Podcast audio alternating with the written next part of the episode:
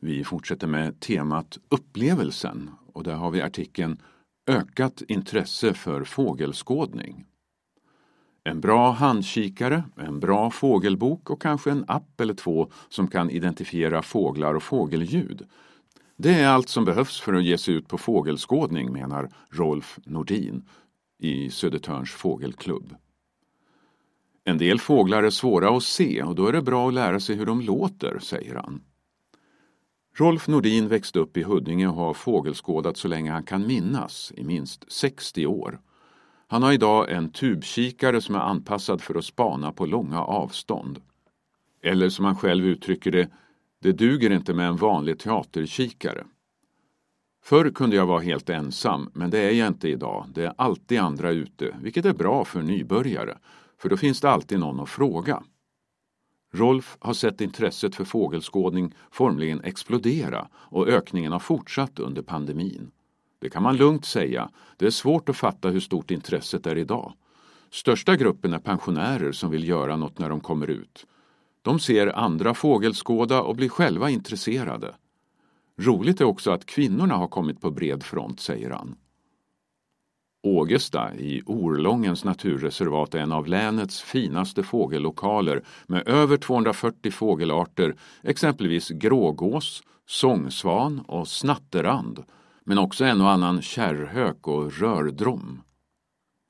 Där finns ett fågeltorn vars nedre del kan nås med rullstol och barnvagn. Marken runt tornet får inte beträdas under häckningsperioden 15 april till 15 juli. Där finns också en stor skrattmåspopulation som ger skydd åt andra häckande fåglar. Deras läten skrämmer bort rovdjur. De fungerar ungefär som ett skränigt tonårsgäng, säger Niklas Johansson, ekolog hos Huddinge kommun och fågelskådare i unga år. Han listar ett stort antal platser i Huddinge kommun som är perfekta för fågelskådning. Bäst förutom Ågesta är Lismasjön, menar han och nämner även Balingstabottnen som är en våtmark med spännande fågelarter, bland annat rödlistade arter som gulsparv, grönfink och björktrast. Området kring Sofielunds återvinningsanläggning hyser också många fåglar. Jättebra områden fågelmässigt, men det är svårt att röra sig där, säger Niklas. Södertörns fågelklubb anordnar guidad fågelskådning i Ågestasjön varje onsdag morgon till och med 26 maj. Suget efter att komma igång är stort.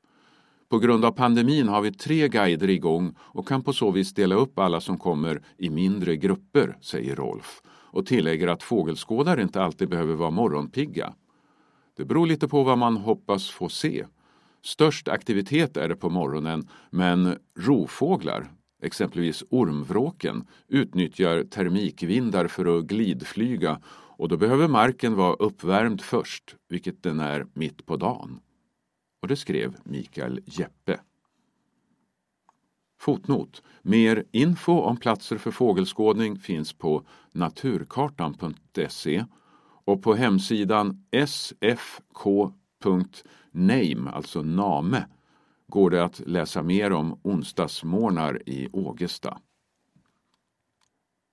Den stora bilden som hör till artikeln är tagen vid fågeltornet vid Ågestasjön. Och så finns det en annan bild med bildtexten Vårfåglar i Ågestasjön, kanadagås, grågås och sångsvan.